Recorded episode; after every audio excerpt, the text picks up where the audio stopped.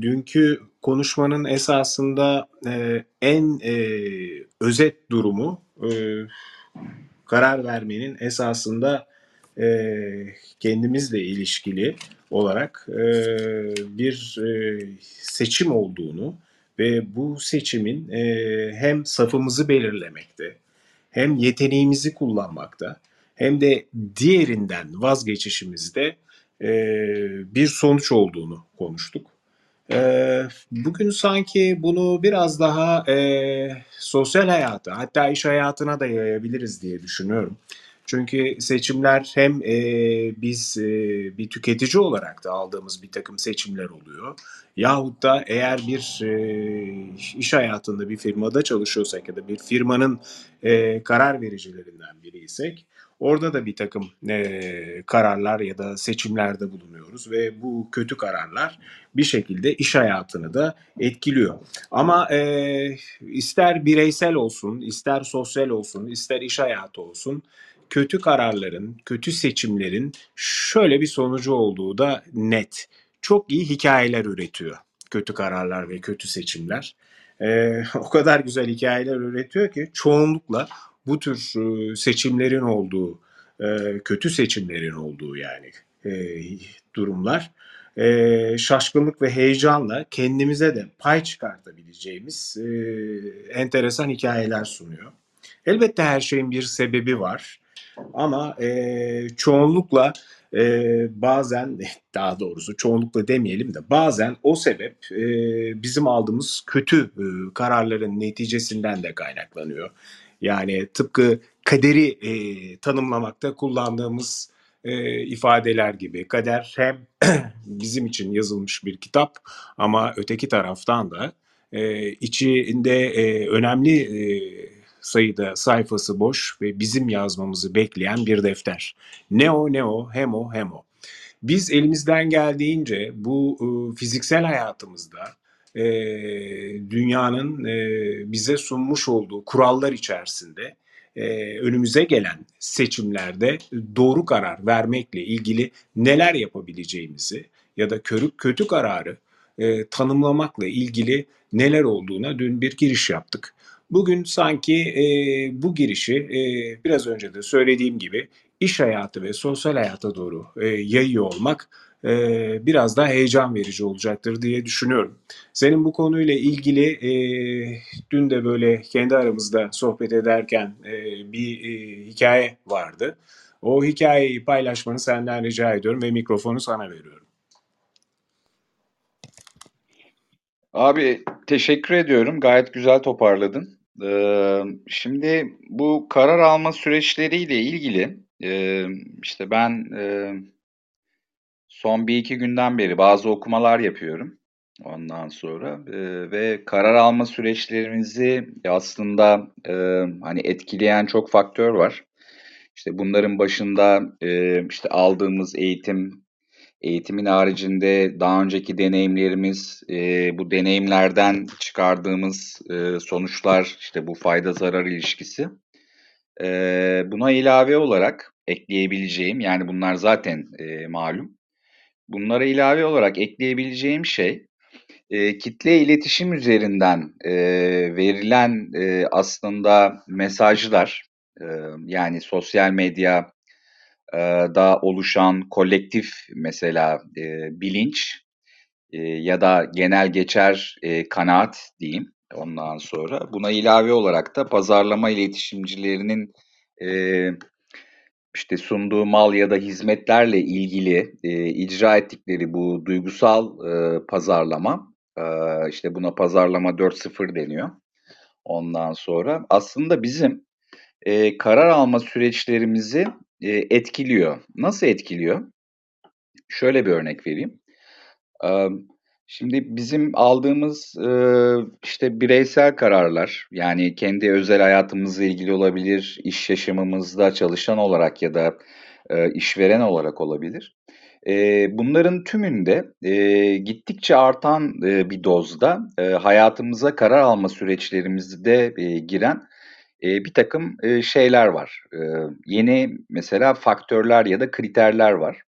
Bu kriterlerden bir tanesi işte bir çevre bilinci oluştu. E, dolayısıyla da e, mesela bu yılki Kristal Elma ödüllerinde bu reklam sektörünün e, e, kendi arasında dağıtmış olduğu işte başarılı reklam ödüllerinde genellikle bu çevre duyarlılığı olan mesela kampanyalar bu şeyleri aldı, ödülleri aldı. E, yani reklamlarda e, belki çok sık karşımıza çıkmasa bile işte bu e, karbon e, ayak izi ya da işte çevreye e, verdikleri e, zarar e, çerçevesinde ya da daha az zarar verme çerçevesinde e, satılan ürün ve e, hizmetlerin e, karbon ayak izi üzerinden e, işte bir sosyal sorumluluk çerçevesinde işte bu dünyayı daha yaşanabilir bir yer kılmak için bir hassasiyet gösterildiğine dair birçok marka ya da kurum bu ödülü aldı. Yani bu yılın şeyi aslında biraz öne çıkan ödül kriteri işte kreatiflikten ya da ne bileyim işte reklam filminin daha yapısal özelliklerinden ziyade bu çevre duyarlılığıydı. Şimdi bunu şuraya bağlayacağım.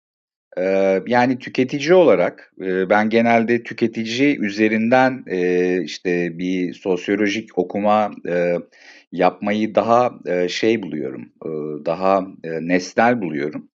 Eee, biz bir ürün alırken dahi, eee, ya da bir hizmet alırken dahi, eee, daha önce hiç hesaba katmadığımız, yani işte, eee, maliyet, eee, fayda, eee, şeyi dışında, denklemi dışında birtakım şeyler gösteriyoruz. Yani hassasiyetler gösteriyoruz. İşte örneğin bir kozmetik ürün alan bir, eee, kadın tüketici, işte bunun hayvanlar üzerinde test edilip edilmediğini mesela dikkate alabiliyor.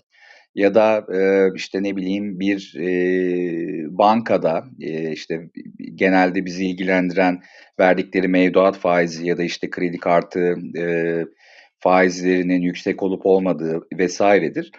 Mesela işte ne bileyim işte karbon ayak izini, eee, şey yapmak için, düşürmek için işte iş süreçlerinde, eee, asgari düzeyde kağıt kullanması ve işte di dijitale geçmesi yine bir şey yaratabiliyor, bir fark yaratabiliyor. Eee, bunların tümü aslında, eee, bizim bu karar alma süreçlerimiz, yani kendi özel hayatımıza dahi, işte marka seçiminde ve hatta birçok tercihte ve seçimde, eee, bunlar aslında çok böyle, eee, yani kötü bir şey değil bu ama çok sinsice, eee, arka planda, eee, şeye eklemleniyor. Yani karar alma süreçlerimizdeki, iii, kriterlere, eee, eklemleniyor. Şimdi bu benim oldukça dikkatimi çekiyor ve çok, eee, önemli buluyorum.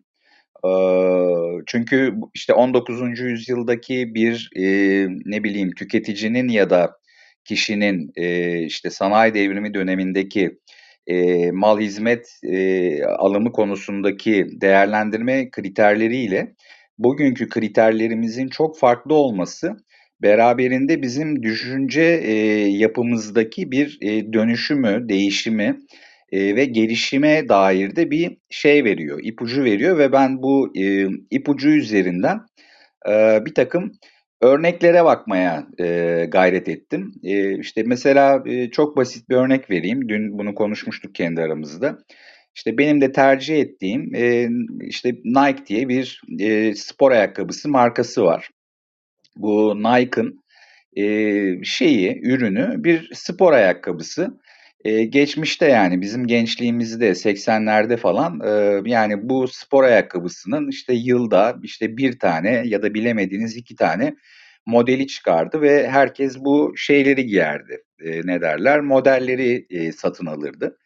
Eee, işte koşuyorsanız ona göre alırdınız. Eee, işte basketbol oynuyorsanız, eee, spor, ııı, salonunda bir şey yapıyorsanız, spor icra ediyorsanız ya da işte bir, eee, vücut geliştirme ya da işte böyle bir fitness, jimnastik gibi bir alanda, eee, şey yapıyorsanız, spor yapıyorsanız, antrenman yapıyorsanız ona göre bir ayakkabı alırdınız. Fakat, eee, bugün, eee, Nike'ın mesela, eee, şimdi ben, eee, newsletter'larını, eee, sürekli olarak aldığım için inanılmaz bir ürün tayfı var. Yani bu ürün tayfı e, kategorik olarak tabii ki işte yürüyüş, işte gündelik yaşam e, ve birçok işte boks dahil, e, futbol dahil e, birçok e, kategoriye ayrılırken muazzam bir şey çeşitliliği var. E, ne derler? Renk çeşitliliği, tasarım çeşitliliği var. Fakat sağladığı fayda 3 aşağı 5 yukarı hepsinde aynı.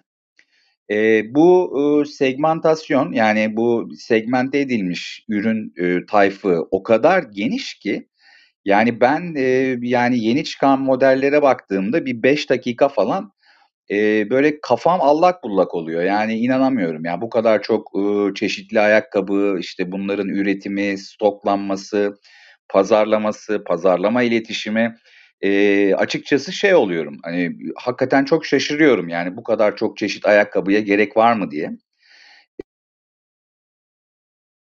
İşte bir yoğurt e, yani alelade bir yoğurtun dahi e, işte probiyotiklisi, işte laktozsuzu, ne bileyim doğalı, mandırası, osu busu falan filan inanılmayacak bir şey, e, seçenek e, vaat ediyor bize e, tedarikçiler. E, ve Nike'da e, pazarlama 4.0 olarak yani müthiş bir e, başarı hikayesi e, olduğunu e, düşünüyorum ki benimle aynı fikirde olan çok kişi var ve üzerine çok kalem sağlamışlar. E, Nike'ın mesela kendine ait bir şeyi var, plak şirketi var. Yani şöyle söyleyeyim hani e, bu yurt dışında label deniyor buna. Plak şirketi deyince hani e, işte Panam'daki gibi e, böyle bir e, tipoloji aklınıza gelebilir. Bir label'ı var. Ve bu label'ın altında özellikle remix yapan e, ya da işte bizim Türkiye'de var olan e, bir takım parçaları e, çalanlara DJ deniyor ama bir de remix DJ'leri var. Yani işte bir takım e, şarkılardan e, sample'lar böyle işte 3 saniyelik, 4 saniyelik sample'lar alıp e, bunlardan mesela yepyeni ve kendi melodisi, kendi e, kurgusu olan şarkılar üreten e, şeyler var, e, DJ'ler var. Ve bu DJ'lerden e, yaklaşık olarak böyle en ünlüleri özellikle Avrupa kıtasında ve Amerika kıtasında e, çok ünlü olmuş e, 20-30 kadarıyla e, şeyin e, Nike'ın e, ondan sonra Nike Plus Sport Müzik diye e, şeyi var e, ne derler Amerika merkezli bir plak şirketi var e, ve Nike e, şarkıların tımını yapıyor. Şimdi Nike'ın e, bir taraftan e, işte insanları motive motive etmeye yönelik yeni bir yaşam e, tarzı e, önermeye yönelik şeylerini biliyoruz. İşte koşu yarışmaları, e, işte yapabilirsin kampanyaları, işte kadın erkek eşitliği vesaire falan filan. E, yani spor salonunda çalışırken işte kulaklığınızdan mesela e, e, bir müzik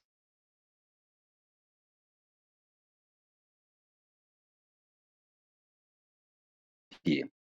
E, çünkü e, Nike ürünle birlikte aslında bir e, yaşam stili e, şey yapıyor, e, pazarlıyor, satıyor. E, bu da ve bu da işte dönüp dolaşıp bu deneyim ekonomisine geliyor. Yani evde de yapabileceğimiz bir kahveyi e, işte Starbucks'ta 40-50 lira verip e, neden şey yapıyoruz? E, neden tüketiyoruz, içiyoruz? Çünkü orada bir işte deneyim yaşıyoruz. Bu deneyimde nedir? Oranın dekorasyonu, çalınan e, işte müziklerin playlisti, işte o e, şarkıların yarattığı bizdeki duygulanım, işte Starbucks'ın içindeki dinginlik veren e, bir e, işte şey dekorasyon, renk seçimleri vesaire ve tabii ki yaygınlık e, vesaire gibi birçok e, şey var, e, faktör var. Yani bu açıdan e, Nike mesela bu duygusal e, pazarlama e, denen e, şeyi yani pazarlama 4.0'ın e, pratiğini şu an dünyada en ön plana çıkan e, uygulamasıyla e, örnek olarak uygulamasıyla e, şey yapıyor, e, dikkat çekiyor. Şimdi bunu bizim seçimlerimiz üzerine e, bir bağlamlaştırma yaptığım zaman karşıma çıkan bir başka cephede e, şimdi bizim mesela işte 90'larda 2000'lerde çalıştığımız ofisler e, şu anki ofisler gibi değildi. Yani e, kapalı ofislerde çalışmaya başladım ben. Yani işte odalara ayrılmış ofislerde çalışmaya başladım. Ardından Amerikan e, şeyi, e, Amerikan modeli e, açık ofis e, gündeme geldi. Bu açık ofisler gündeme geldikten sonra da e, bildiğim kadarıyla hala devam ediyor. Çünkü şu an kurumsal çalışmıyorum. E, yani ofis mimarisinde, işte ofis e, şeyinde, işte masalarında, oturma düzenlerinde, e, hatta ofis içindeki e, davranış modellerinde e, böyle çok e, radikal bir takım değişiklikler olmamıştı. Fakat e, bu yeni Z ve e, işte Y kuşağı ile birlikte mesela e, şu an e, Türkiye'den de örnekler verebilirim. İşte e, sahibinden komun ofisi ya da yemek sepetinin ofisi, işte buna benzer e, bir takım orta ölçekli ya da küçük ölçekli girişimci girişimler var. Özellikle teknoloji alanında, işte bu fintech alanında, işte yazılım alanında. Bunların ofislerinde işte uyku kapsülleri var, işte uzanma yerleri var ondan sonra. Renkler mesela çok kontrast, e, şey gibi, panayır, sirk gibi.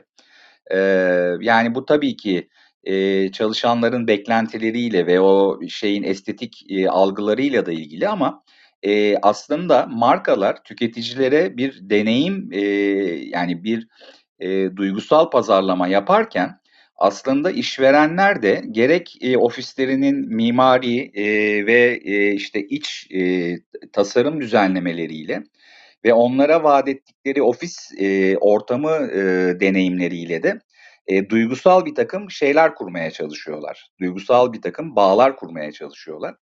E, dediğim gibi işte sahibinden e, komun mesela e, şeyi e, ofisi ben görmüştüm. E, yani işte Google'ın e, ya da Facebook'un e, ofisinde sunulan e, işte ne bileyim e, deneyim olarak işte dinlenme alanları, yemek yeme alanları, e, işte hobi alanları vesaire bunlarla birebir örtüşüyor. E, bir diğer taraftan da e, dediğim gibi bu duygusal pazarlamada biz gün içinde e, daha önce işte bir Amerikan e, şey bir Amerika'daki bir e, araştırma şirketinin e, rakamlarını paylaşmıştım. Böyle çok abartılı bir şekilde yani günlük 3000 falan civarında biz aslında pazarlama iletişimcilerinin e, uyarıcı e, mesajlarına maruz kalıyoruz. Bu bu mesajların bir kısmı sesli, video, görsel, e, text olarak e, karşımıza çıkıyor.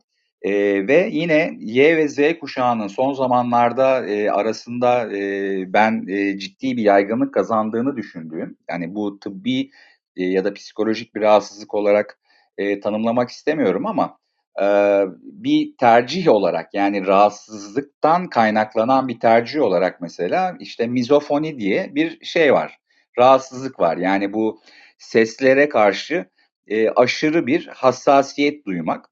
Şimdi bu da aslında sosyolojik olarak bakıldığı zaman işte şeyde işte metroda, vapurda e, yani birçok e, benim ziyaret ettiğim bu yeni nesil e, ofislerde ben özellikle işte bu müşteri ilişkileri ya da işte nihai tüketiciyle ya da e, paydaşlarla, iş ortaklarıyla e, işte telefonla ya da işte video kolla iletişim halinde olmayan e, şeylerin, e, kullanıcı e, çalışanların hep kulaklık taktığını görüyorum. Yani bu kulaklık e, takılmasının sebebi işte çevresel e, işte seslerden e, kendini aslında izole etmeye yönelik bir e, şey taşıyor, e, motivasyon taşıyor. E, ve bu e, motivasyonun arkasında da dediğim gibi yani ben bir analoji kurmak için e, bu örneği veriyorum. E, bence bir mizofoni e, rahatsızlığı e, olabilir değişik ölçeklerde. Fakat e, başta da belirttiğim gibi temel olarak bu duygusal e, pazarlamadan dolayı e, biz müthiş bir e, seçim yapmaya yönelik manipüle ediliyoruz ve bu e, manipülasyonda da işte kimi zaman şey olabiliyor. E, insanlar e, artık yorulabiliyorlar ve gündelik hayatımızda aldığımız her türlü e, kararın, seçimin işte arka planındaki bu hani bir takım temel e, psikolojik e, nedenleri şey yaptığımda e, ne derler hani yok saymıyorum e, kenara koyduğumda e, işte e, bir e, aşk ilişkisi, bir arkadaşlık ilişkisi, e, ne bileyim iş seçimi e, bunların tümünde e, şey haline geldiğimiz için yani satın aldığımız e, herhangi bir mal e, hizmeti e, işte ne bileyim satın alma sürecinde e, deneyimlerken dahi e, kendimize e, kendimizde hissettiğimiz bu duygusal değişik e, seviyelerdeki e, işte bu duygulanım yani duygusal pazarlamaya maruz kaldıktan sonra yaşadığımız e, bu duygusal tatmini diyeyim e, yaptığımız her seçimde de şey yapmak istiyoruz yani tekrar etmesini istiyoruz yani bu e, sürekli doz aşımıyla e, sürekli olarak e, işte alınması gereken aslında bir e, bağımlılığa dönüşüyor diğer bir taraftan da. E, dolayısıyla e, ben e, seçimlerimizin e, 19, 20, 21. E, şey 20. yüzyıldaki gibi olmadığını düşünüyorum ve işin içine dediğim gibi e, işte sosyal medya, işte medya, işte pazarlama iletişimcilerinin bize e, şey yaptığı, vaat ettiği, sunduğu, önerdiği e, yeni bir takım değerler, yeni bir takım kriterlerle e, şekillendiğini ve çok daha aslında e, karmaşık bir hale geldiğini de e, söylemek isterim. Biraz uzun oldu ama ancak bu kadar toparlayabildim. Teşekkür ediyorum. Çok teşekkürler Ceyhun. Ee, esasında e, yaşadığımız hayatı, sokaktaki hayatı, cep telefonumuza gelen e, pazarlama mesajlarını, e, marketlere gittiğimizde e, karar alma süreçlerini. Çünkü e, karar alma süreçleri hayatımızın her anında çok yoğun bir şekilde yaşandığı bir dönemdeyiz. Çok da haklısın. E, bu dünyayı tanımlıyor olsak herhalde şu anki haliyle çok dünyası deriz. Çünkü seçenek o kadar çok ki her konuda. Eskiden e, ben çocukken tek bir kanal vardı ve e, o tek kanal üzerinden bütün mahalle, komşular, akrabalar hep aynı gündemle, aynı dizilerle, aynı filmlerle, aynı türkülerle, şarkılarla, pop müzikle neyse ya da Türk e, müz- filmleriyle ortak bir gündeme bakardık.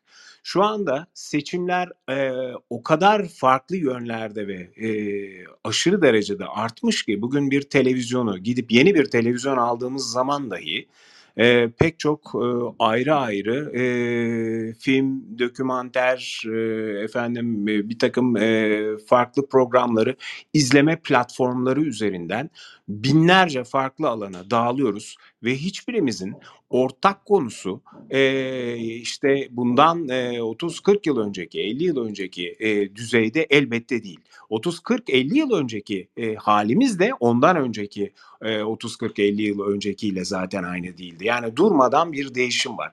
Dolayısıyla e, seçenek çoksa kötü kararda e, alma ihtimali de bir o derece artıyor. Yani iki seçenekten birini e, seçme durumunda kalırken yüzde 50'de kaybettiğimiz e, o ya da kazandığımız o e, kazanım e, tabii ki seçenek çok olduğu zaman e, bizi çok daha karmaşık, komplike, e, sıkıntı veren bir hale götürüyor. Ürün çok, mesaj çok, dolayısıyla karar çok. E o zaman e, karar alma süreçleri ve karar ver verirken de kötü karar alma ihtimali e, elbette artıyor. E, bu arada e, tabii ki bizim e, bu chat odasında da e, şu anda bizi dinleyen arkadaşlarımız Mehmet mesela şöyle bir e, bilgiyi de paylaşıyor. E, zaten birazcık hani marka ve arkasında yatan hikayeyi araştırınca e, bilenler biliyor. Nike e, eski Yunan mitolojisinde e, zafer tanrıçasıdır diye e, bir e, mesaj paylaşmış. Ben de e, Mehmet'in bu mesajını e, özellikle e, bizi burada dinleyenlerle e, paylaşmak isterim. E, şeye de katılıyorum e, bu arada.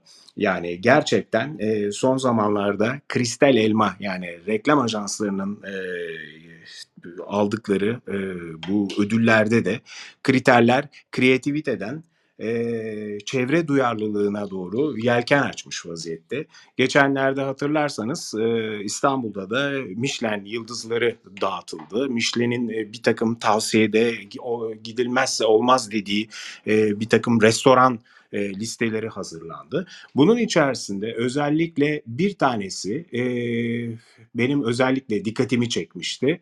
O da e, Neo Locale'nin aldığı e, iki e, yıldızdan bir tanesi pardon bir yıldız aldı Neo Locale.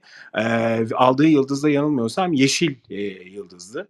E, yeşilin de orada ne anlam e, taşıdığı malum.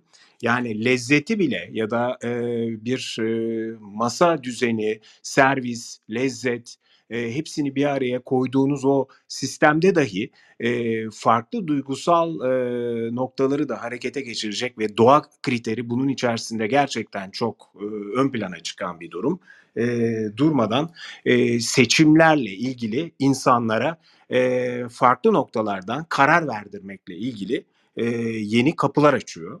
E, dolayısıyla da Nike örneği bir yaşam stili olarak artık sadece bir ayakkabı ya da spor malzemeleri markası değil, bir yaşam stili olarak da e, kendi müzik prodüksiyon şirketini kuracak kadar e, işi büyük bir dünyaya yaymış olması da e, açıkçası e, pazarlama e, ya da e, menfi bir şeyle de söyleyecek olursak bunun manipülatif tarafının da ne boyutlara geldiğinin de gerçekten e, çok ciddi bir örneği olduğunu düşünüyorum. E, Ferru hoş geldin. E, biz epey böyle bir e, kurumsal hayattan e, ve oradaki e, kötü kararlarla ilgili e, şu anda ne durumda olduğumuza dair bir takım örnekler vermeye çalıştık ve karar verme süreçlerinin özellikle duygusal pazarlamanın e, son yıllarda neden ön plana çıktığına dair de e, Ceyhun Harikulade cümleler kurdu, bizimle bilgiler paylaştı. Sen de bir e, özellikle tüketici e, psikolojisinde uzman olarak bu konuda pek çok e, konuşma yaptın, e, uluslararası platformlarda e, fikirlerini ve bilgilerini paylaştın. E, bunun üzerine sen ne demek istersin e, diye sana mikrofonu uzatmak isterim. Hoş geldin yeniden. Hoş bulduk arkadaşlar. Teşekkürler. Ben de kusura bakmayın bir telefon konuşmam vardı. Onları bitirmem gerekiyordu.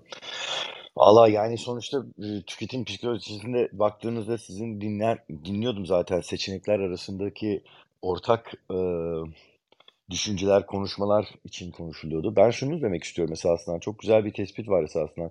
Sosyalleşmenin en önemli şeylerinden bir tanesi hele seçimlerimizde e, ortak sosyal alanlardaki konuşulan mevzular esasından e, bu seçimleri e. Yani sonuçta hatırlarsanız belki dediğiniz gibi bir kanal vardı. Hatta yayınlar esasından seçici bir yayınlar olmadığında yani yayın on demand olarak deniliyor mesela. İstediğin anda istediğin şeyi seyretmeye başlamadan evvel mecburen herkes belirli bir saatte belirli bir e, diziyi seyretmek istediklerinde oturup seyretmeleri ancak o zaman mümkündü. Yani saat 8'de başlıyordu ve senin çevrendeki, senin bütün ilk arkadaşların aynı şekilde de 8'de de onu izledikten sonra beraber bu paylaşılır, beraber bu konuşulurdu.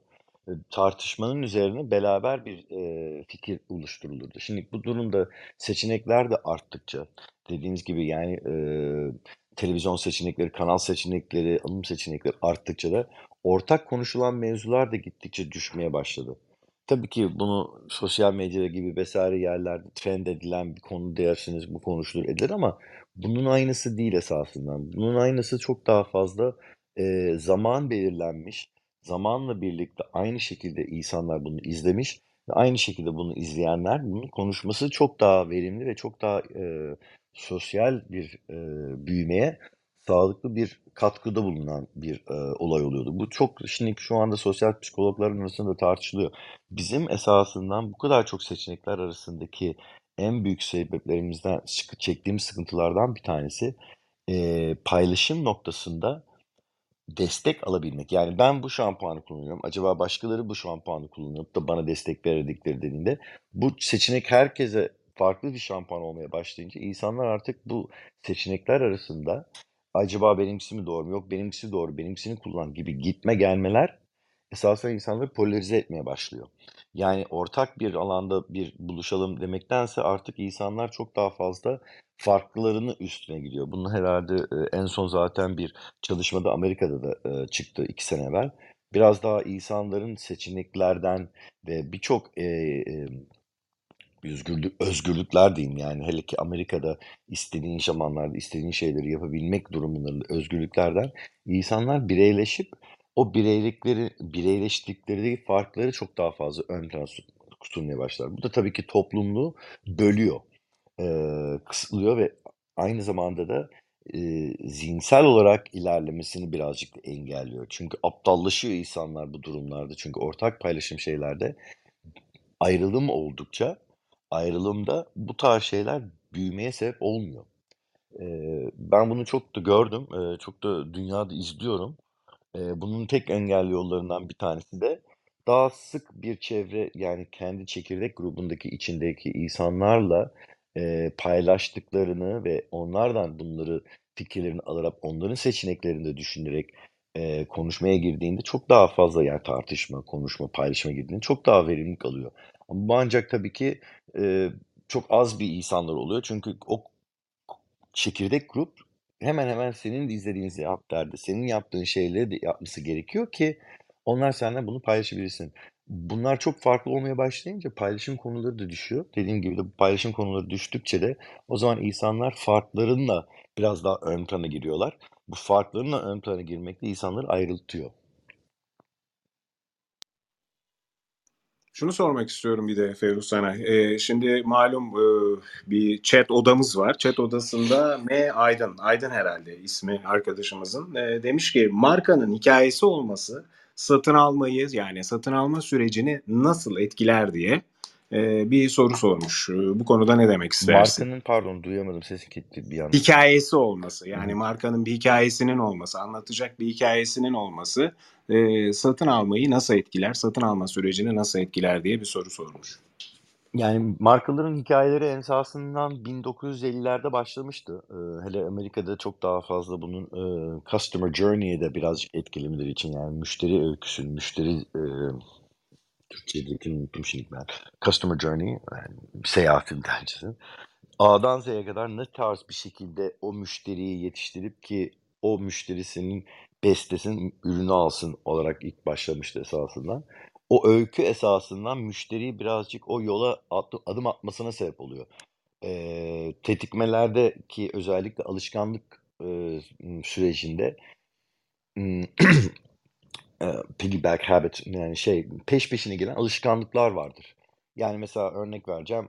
Sabah kalktığında alışkanlığın senin dişini fırçalamaksa dişini fırçalamak ilk alışkanlıkını yaptıktan sonra da diyelim, eee, vitamini almak, vitamini aldıktan sonra da işte, tel suyunu içmek, suyunu içtikten sonra da mesela sporunu yapmak. Bunlar hepsi bir birbirine bağlı bir alışkanlık hâline geliyor. Sen dişini fırçaladıktan sonra otomatik olarak öbürküsüne geçiyorsun. Otomatik olarak dişini fırçalamadığında bir nevi esasında bocalarsın 2'nci adımdan başlamaya. Çünkü o acı ilk tetikleme seni başlatıyor o süreçte. Aynı şey de öykülerde, eee, markaların öyküleri için de geçerli. Onlar sana bir başlangıç tetikleme olarak öyküyü sunuyorlar ki o sana geldiğinde Nike Just Do It en güzellerinden bir tanesi. Yani şimdi sen o zaman kafanda Just Do It hikâyelerini kendini tekrarlayarak bir tetikleme yani bir alışkanlık tetiklemesinin başlangıç noktasını başlatmış oluyor sana ve ondan sonra arkasından gelenleri de sana besleyebiliyor. Devamlı sen ondan bir şey almışsın, kullanman için, eee, hizmet alman için vs. gibi. O yüzden evet, tabii ki, eee, markaların öyküleşmeleri için en önemli temel şeylerinden bir tanesi burada müşterilere alışkanlık zincirini kurabilmek ki o alışkanlık zincirinden geçtikçe sonundaki aldıkları hizmet, ürün vs. daha keskinleşiyor ve daha net, ımm, nasıl diyeyim sana, eee, garantileşiyor diyebilirim ve ölçek bir hâlde de buna bağlıyorlar zaten. Çünkü hangi noktada bu süreçte müşterinin öyküsünde bize gelip bunu aldı, kullandı, tatmin oldu, geri dönüşü oldu gibi bir öyküyle ancak bunu besleyebiliyorlar. Yani kısacası esasında, eee, bir hikâyeyle bir beğeni, eee, alanı yaratıp, eee, o beğeni alanının içerisine, eee, dâhil etmek istedikleri, eee, satın aldırmak istedikleri, eee, tüketicileri, eee, bireyleri içine almaya çalışıyorlar ve içine giren, eee, tüketici de, eee, o beğeniyi zaten satın aldığı için başta, eee, o beğeninin bir parçası olma adına, eee, zaten, eee, ne sunuluyorsa ürün olarak, eee, o ürünü de, eee, bir şekilde kendi hayatı içerisine, eee, dâhil ediyor diye, eee, özetleyebiliriz herhâlde. Evet. Yani tabii ki bu da be benim de şeyde eklemek Hı, pardon Cem, şey diyordum. E, Be şunu benim diyecektim de sadece eklemek kısacasına hemen. O dediğin şey Tamam. zaten müşteri identity oluyor. Onu demek istedim. Yani o tanımlanan şey o müşterinin karakterini tanımlamış oluyor. O öyküler ki onunla özdeşsin diye. Pardon Cem, sen devam et. Benim de Ferruh'a yapmak istediğim şöyle bir ekleme var. Şimdi Mehmet Bey'in e, sorduğu önemli bir soru var. E, Aydın Bey'in de sorusuyla aslında çapraz bir ilişkisi var. Şimdi Türkiye'ye bakıldığı zaman e, bu e, markaların hikayelerinin satın alma e, yani bir sıcak satışa e, yani bir satın almaya e, dönmesiyle ilgili e, benim e, böyle denk geldiğim, gördüğüm bir tez, makale falan çok bir şey olmadı. E, ama şey yapacağım, e, yani bugün bakacağım, yarın da paylaşırım. E, fakat şunu söyleyebilirim. Şimdi Mehmet Bey e, ihtiyaç fazlası tüketim e, konusuna dikkat çekiyor. E, bence çok önemli bir konu. Yani alışveriş bağımlılığı gibi e, şu an e, görünen e, çok böyle deli bir alışveriş şeyi var, e, tüketimi var. E, yani tekstilde de var. Hani temel e, gıda ihtiyaç maddelerini geçiyorum işte bu yağ vesaire bu temel yemek e, yiyecek maddelerinin dışında. Şimdi bunu e, pazarlamacılar e, şöyle e, bu ara e, tartışıyor ve açıklıyorlar. E, buna e, panik e, alışverişi deniyor. Yani Mehmet Bey'in bahsettiği bu e, ya belki lazım olur diye e, böyle işte alakalı alakasız birçok ürün gamında şu an e-ticaret sitelerinden özellikle yapılan e, alışverişler panik e, alışverişi e, başlığı altında irdeleniyor. Bunun sebebi işte hepimizin malumu müthiş enflasyonist bir şey var. Şu an e, piyasa var. Dolayısıyla da insanlar e, işte atıyorum yazın e, işte yüzde elli ya da hatta yüzde yüz fiyatı artabilecek. E, şu an kullanmayacakları işte ayakkabılar, giysiler, takılar, mayolar vesaireler bunlarla ilgili mesela şu an şey yapıyorlar, satın alma yapıyorlar. Yani mevsimi beklemiyorlar. Dolayısıyla da e, ben e, Mehmet Bey'in e, aslında gündeme getirdiği bu ihtiyaç fazlası belki lazım olur alışverişlerini e, bu kapsamda değerlendiriyorum ve e, bu yaşadığımız enflasyon e, sorunu nedeniyle e, tüketici e, eğilimlerimiz ve davranışlarımız e, davranışlarımızı birçok psikolog, e, sosyolog aslında bipolar tüketici kategorisine bizi sokuyor. E, yani böyle bir ara başlık açmak istedim. İkinci e, Aydın Bey'in e, aslında gündeme getirdiği ya da sorduğu soruya ve Ferruh'un da verdiği cevaba e, ilave etmek istediğim konu da şu. Yani Ferruh tabii ki e, hani hayatı e, doğma büyüme Amerika'da geçtiği için daha iyi bilir. Şimdi mesela Amerika'da benim ilgimi çeken iki tane e, şey var e, ne derler işte bu marka hikayesi var. Yani bu marka hikayesi derken aslında tek bir markanın hikayesi değil, kategorik olarak e, kümelenmiş bir takım e, ürünlerin e, hikayesi. Dolayısıyla da çok e, iyi ve anlaşılır bir örnek olacağını düşünüyorum. E, şimdi özellikle hani benim de e, işte akrabalarım, e, işte arkadaşlarım Amerika'da yaşadığı için e, mesela fiyatları biraz daha yani makul seviyede biraz daha fazla olmasına rağmen e, işte bu e, şey dedikleri e, işte bu e, işte şey e, ne derler işte bu farm label'lar yani işte çiftlik çiftlik markaları işte atıyorum Kaliforniya'da e, adam e, portakal üretiyor fakat bunu böyle çok e, geniş bir üretim olarak yapmıyor. İşte ondan meyve suyu yapmış işte ne bileyim e, paketlemiş e, şeyleri portakalları şey satıyor işte ne bileyim belli sınırlı bir sayıda satıyor. Ve adam mesela bunu e, çiftlik ürünü olarak e, şey yapıyor ve kendi hikayesini de yazıyor ürüne. Yani işte bu ürünü ailesinin bireylerini anlatıyor. Ondan sonra işte kendi çiftliğinin e, işte 1800'lere giden e, öykülerini anlatıyor.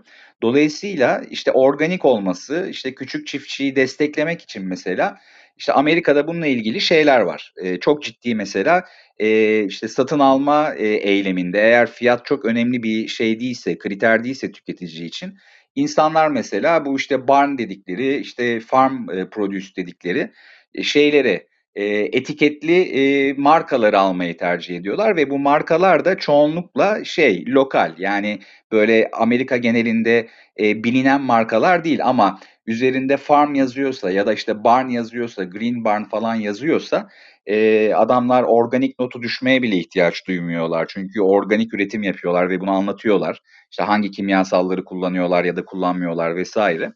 Dolayısıyla da Amerika'da mesela bu şey oluyor. E, gördüğüm kadarıyla bir tercih nedeni oluyor. İkinci hikaye çok güçlü bir hikaye.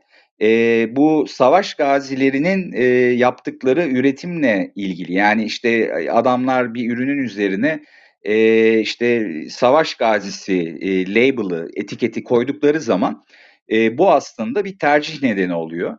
Bir başka e, karşıma çıkan kategorik olarak e, işte öykülü e, etiketlerde e, bir de işte şey e, işte bu yalnız anneler yani işte single mom dedikleri işte yalnız anneler ya da işte kadın girişimcilerle ilgili e, e, ürünler.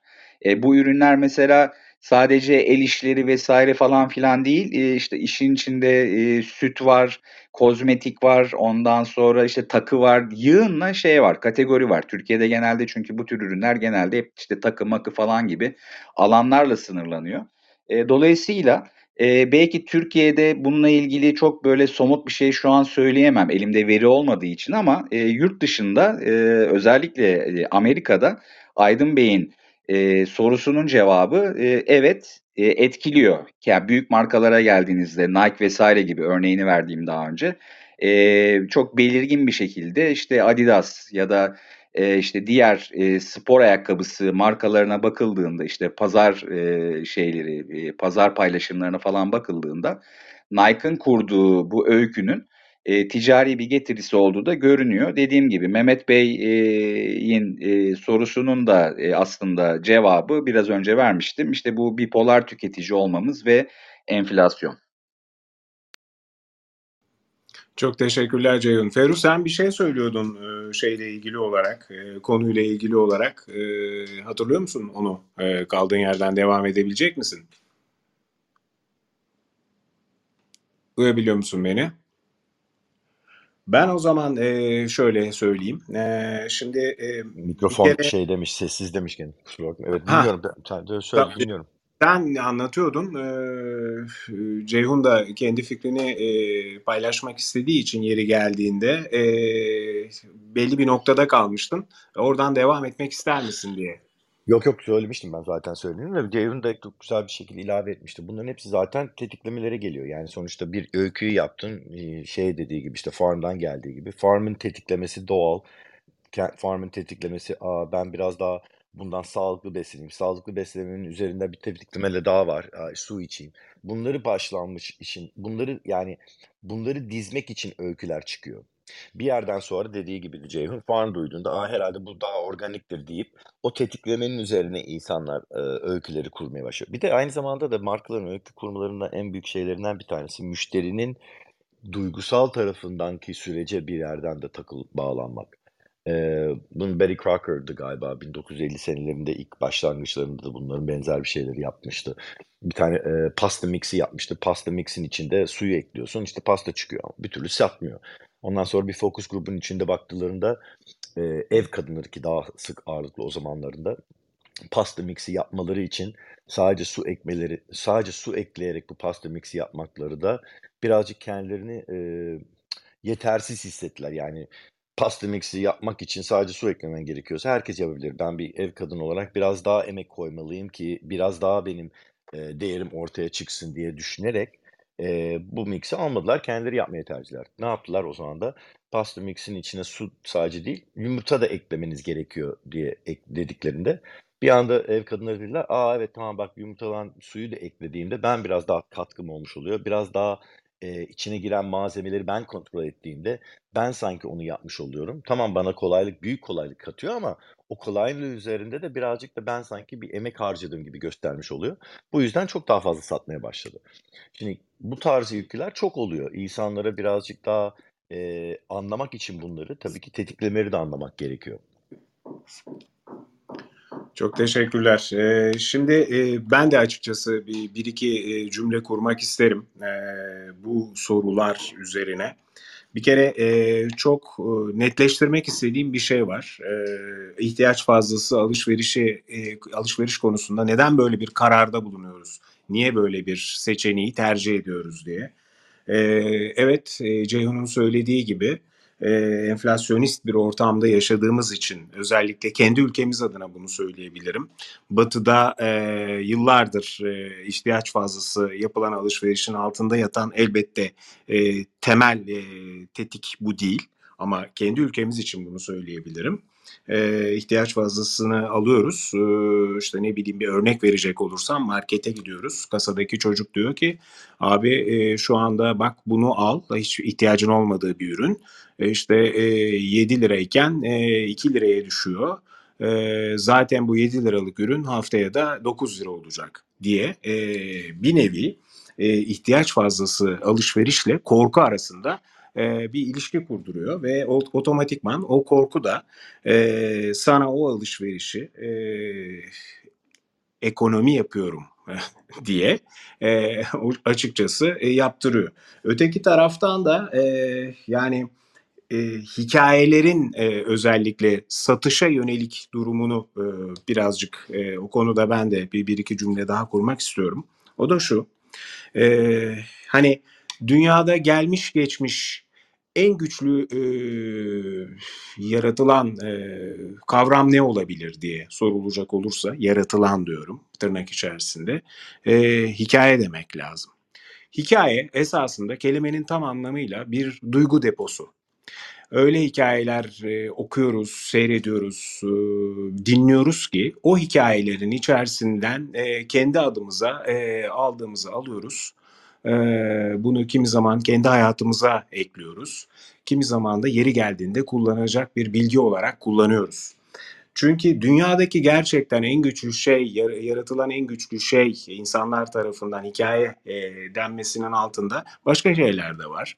E, dinler de böyle keza yani dinlerdeki o hikayelerin ağızdan ağza nakledilerek ortaya çıkması açıkçası e, o hikayenin gücünden kaynaklanıyor. Keza milliyetçilik kavramı da hikayelerin gücünden kaynaklanıyor. Yani hikayedeki o duygu deposu elbette e, tüketicinin e, olanca e, şekilde kullanıldığı bir ekonomide e, tam da pazarlamanın ortasına oturması gerekiyordu. Şu anda artık kelimenin tam anlamıyla pazarlamanın ortasına oturtuldu. Bunun duygusal tarafından tıpkı süt sağar gibi nasıl sağlayacaksa e, bir şekilde e, tüketici de bu konuya e, adapte ediliyor. E, dolayısıyla da bu hikaye ve duygu deposu ve e, pazarlama arasındaki ilişkiyi esasında doğal bir süreç olarak da e, kullanıldığı e, doğrudur. E, öteki taraftan bir şeyin daha altını çizmek istiyorum. E, o da şu. E, ben de e, kendi adıma ifadede bulunurken Ferruh'un söylediğini ifade etmeye çalışmıştım. Yani çok seçenek e, zaten seçimi zorlaştıran bir şey. Öteki taraftan ortak e, hikayelerimizi de birbirinden ayır ediyor. Polarize ediyor dedi, uzaklaştırıyor dedi, toplumu bölüyor dedi. E, yani birlikte büyümeyi engelliyor e, dedi. E, gerçekten de öyle.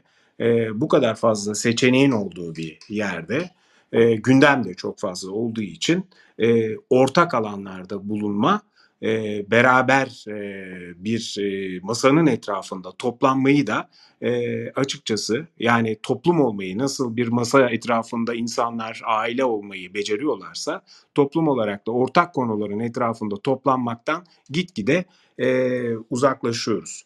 E, benim de özellikle bu konunun altını e, çizme ihtiyacım oldu. E, Umarım e, kimseyi sıkmamışımdır. Ceyhun'cum e, anladığım kadarıyla Ferruh sen galiba e, gitmek durumundasın öyle anlıyorum. Bir e, mesaj attın şimdi. Doğru mudur? Evet, ben yavaş yavaş çıkma, çıkacaktım ben de kusura bakmayın.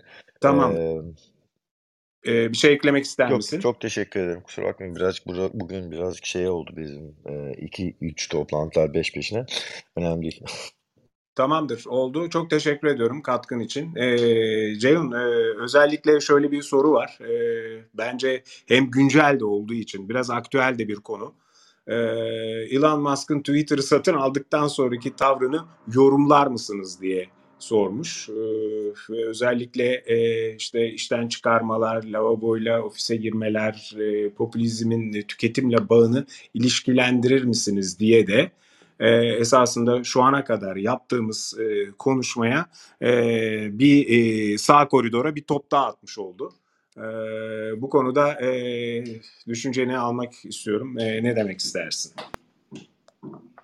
Yani e, Elon Musk'ı ben çok uzun zamandan beri e, hani PayPal döneminden beri bu e, şu an Türkiye'de ne yazık ki kapalı olan e, bu ödeme alıp vermeyi e, ilk e, dünyada ilk kolaylaştıran yani uluslararası ve çok düşük bir komisyonla e, beraberinde e, işte bir takım e, yazılımcıların e, işte atıyorum e, sınır ötesi e, ticaret yapabilecek küçük can suyu e, taşımış.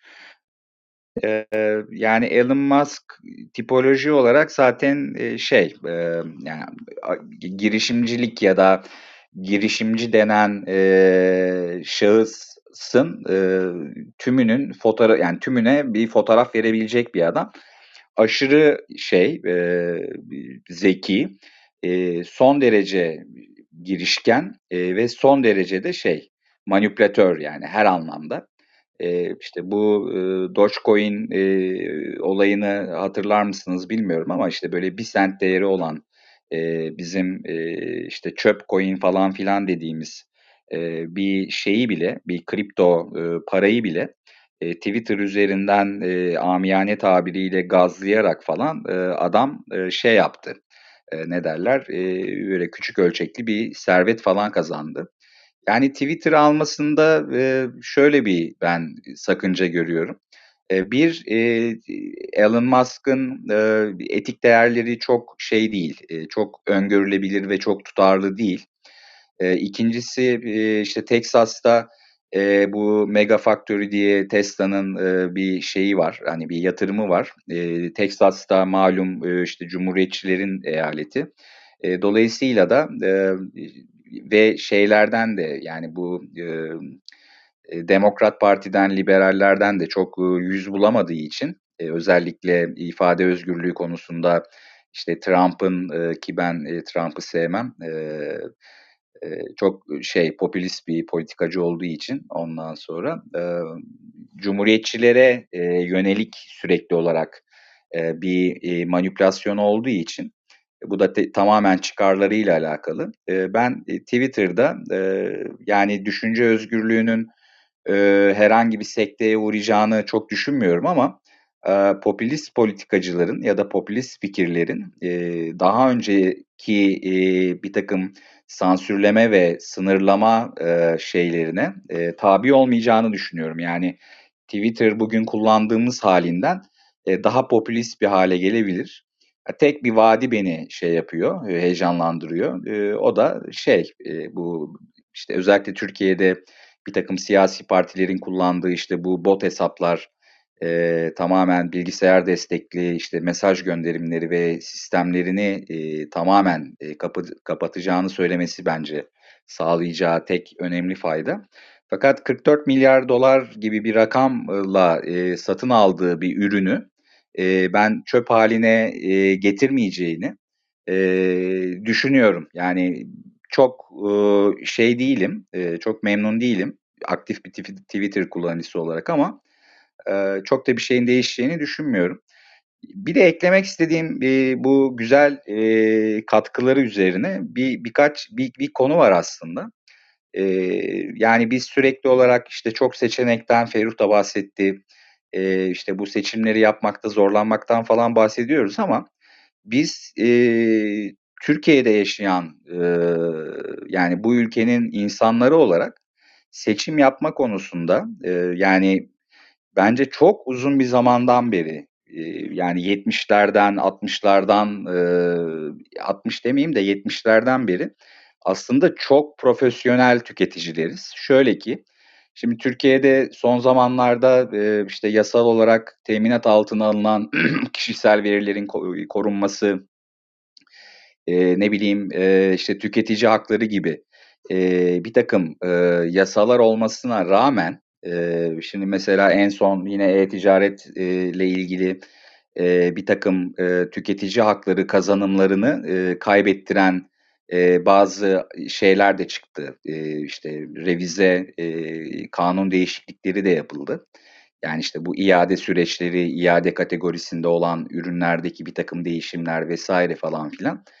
E, Türk insanı kesinlikle bir tüketici olarak e, işte ne bileyim işte Amerika çok iyi bir örnek. E, işte böyle çok yüksek tazminatlar e, alamıyor. Yani tercih ettiği bir üründen dolayı işte sağlık sorunu yaşayabilir, bir kaza yaşayabilir. E, bununla ilgili maddi manevi bir takım e, şeyler, hasarlar alabilir ve bunları e, tazmin etmek için bir dava açtığında işte sebepsiz zenginleşmeyle ilgili tuhaf bir şey var. E, Türkiye'de biliyorsunuz bir yasa var ve bir takım üst sınırlar var.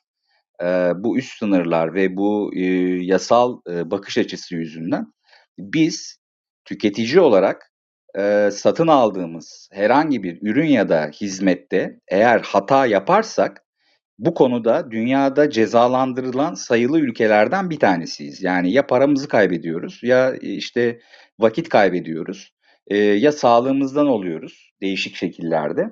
E, dolayısıyla biz aslında e, gerçekten çok e, profesyonel e, karar alıcılarız aslında ve e, baktığım zaman e, işte ne bileyim Avrupa'daki e, Türk girişimciler, Amerika'daki Türk girişimciler, hatta dünya genelindeki herhangi bir Türk girişimcisi işte ne bileyim yurt dışında havaalanında bir free shop'ta e, karşılaştığım e, işte bir Türk'ün e, işte ne bileyim e, bir ürünü incelerken e, işte içindekilere bakması, fiyatı işte ne bileyim diğer bir markayla mukayese etmesi, ondan sonra bir takım sorular sorması falan filan.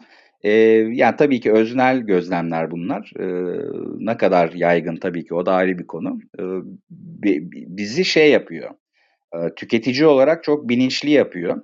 E, yani biz kendi özel e, yaşamımızda da işte ne bileyim aldığımız e, bazı e, kararlardan dolayı e, ne bileyim e, gördüğümüz ya da görebileceğimiz e, zararlar e, tanzimde edemediğimiz için o kadar fazla ki e, ve o kadar korunmasızız ki aslında e, hem tüketici olarak hem birey olarak e, biz aslında doğru kararlar e, yapmak için e, özel olarak e, beynimizi ekstra çalıştırıyoruz. Çünkü ne yazık ki şeye güven duyamıyoruz. Yani şeye ne bileyim hiç kimseye. Yani ne bir satıcıya yani birçok e, konuda böyle. Benim çok meşhur bir şeyim vardır. E, hani bu klasik e, otomobilimle ilgili e, bir tamir süreci ki şu an şey oldu artık. Yani işte iş mahkemeye falan filan gitti. Ondan sonra e, yani bu güvensizlik e, güzel bir şey değil. E, fakat diğer bir taraftan da e, bizler Türkiye'de yaşayan insanlar olarak e, verdiğimiz kararları bence gelişmiş toplumlara göre yani bir Afrika ile Hindistan'la falan karşılaştırmayayım ama işte Avrupa kıtasındaki gelişmiş ülkeler, Amerika kıtasındaki gelişmiş ülkelerle mukayese edildiği zaman biz aslında çok müthiş karar alıcılarız. Bunu da unutmadan paylaşmak istedim. Çok teşekkürler Ceyhun. Ee, evet yani mantığına ben de katılıyorum. Ee, özellikle Batı'da çok daha güvenli e, standartların olması e, çok da fazla e, bu konuda gardını kaldıran tüketiciler olma ihtiyacı hissettirmiyor o coğrafyalarda. Ancak biz daha korunmasız olduğumuz için uyanık olma ihtiyacımız çok uzun yıllardır kuşaktan kuşağa aktarılır hale geldi. E, Z kuşağındaki bu güvensizlik e, noktası daha da fazla benim gördüğüm kadarıyla. Ondan dolayı da e, hiçbir şeyi derinlemesine e, yaşamadıklarını, sevmediklerini, bağlanmadıklarını, kararda almadıklarını görüyorum e, yeni kuşağında. E, böyle bir tespiti de senin e, söylediğin bu e, kıymetli bulduğum e, tespit üzerine e, eklemek isterim. E, evet, bugün e, Clubhouse odamızdaki e, bir saatimizi doldurduk. E, bizi dinleyenlere ben öncelikle e, her zaman olduğu gibi çok teşekkür ediyorum. Umarım sizi sıkmamışızdır. E, yararlı, kıymetli ya da keyifli bulmuşsunuzdur. E, en azından pozitif tarafta e, fikir sahibi olduğunuz bir oda e, olmuştur bugün. E, bizi dinlemek isterseniz e, özellikle bu yaptığımız yayınları e, podcast üzerinden dinleyebiliyorsunuz. Ee, özellikle e, Spotify'da, e, Apple e, Podcast'te ve e, Google Podcast'te girdiğiniz zaman iyi ki dinledim yazdığınızda gerek e, dün gerekse bugün yeniden yüklenecek ve bundan önce yaptığımız e, bütün e, programları e, önemli olanları başta e, podcast olarak dinleyebiliyorsunuz. Kalanların tamamını yine iyi ki dinledim web üzerinden .com'dan e, dinleyebiliyorsunuz. Zaten sorularınızı ve yorumlarınızı e, şeyde yayın sırasında chat odasından aldık e, almaya da devam edeceğiz. E, yayın esnasında e, bu Clubhouse chat odası dışında ayrıyeten geçen sene de e, sık sık tekrar ettiğimiz gibi Telegram odasından da e, iyi ki dinledimin kanalından da oradan da e, bize soru ve önerilerinizi e, iletebilirsiniz. E, çok teşekkürler yeniden. E, Ceyhun'cum sana da çok teşekkürler. E, Ferruha da elbette. Sevgiyle kalın, hoşçakalın.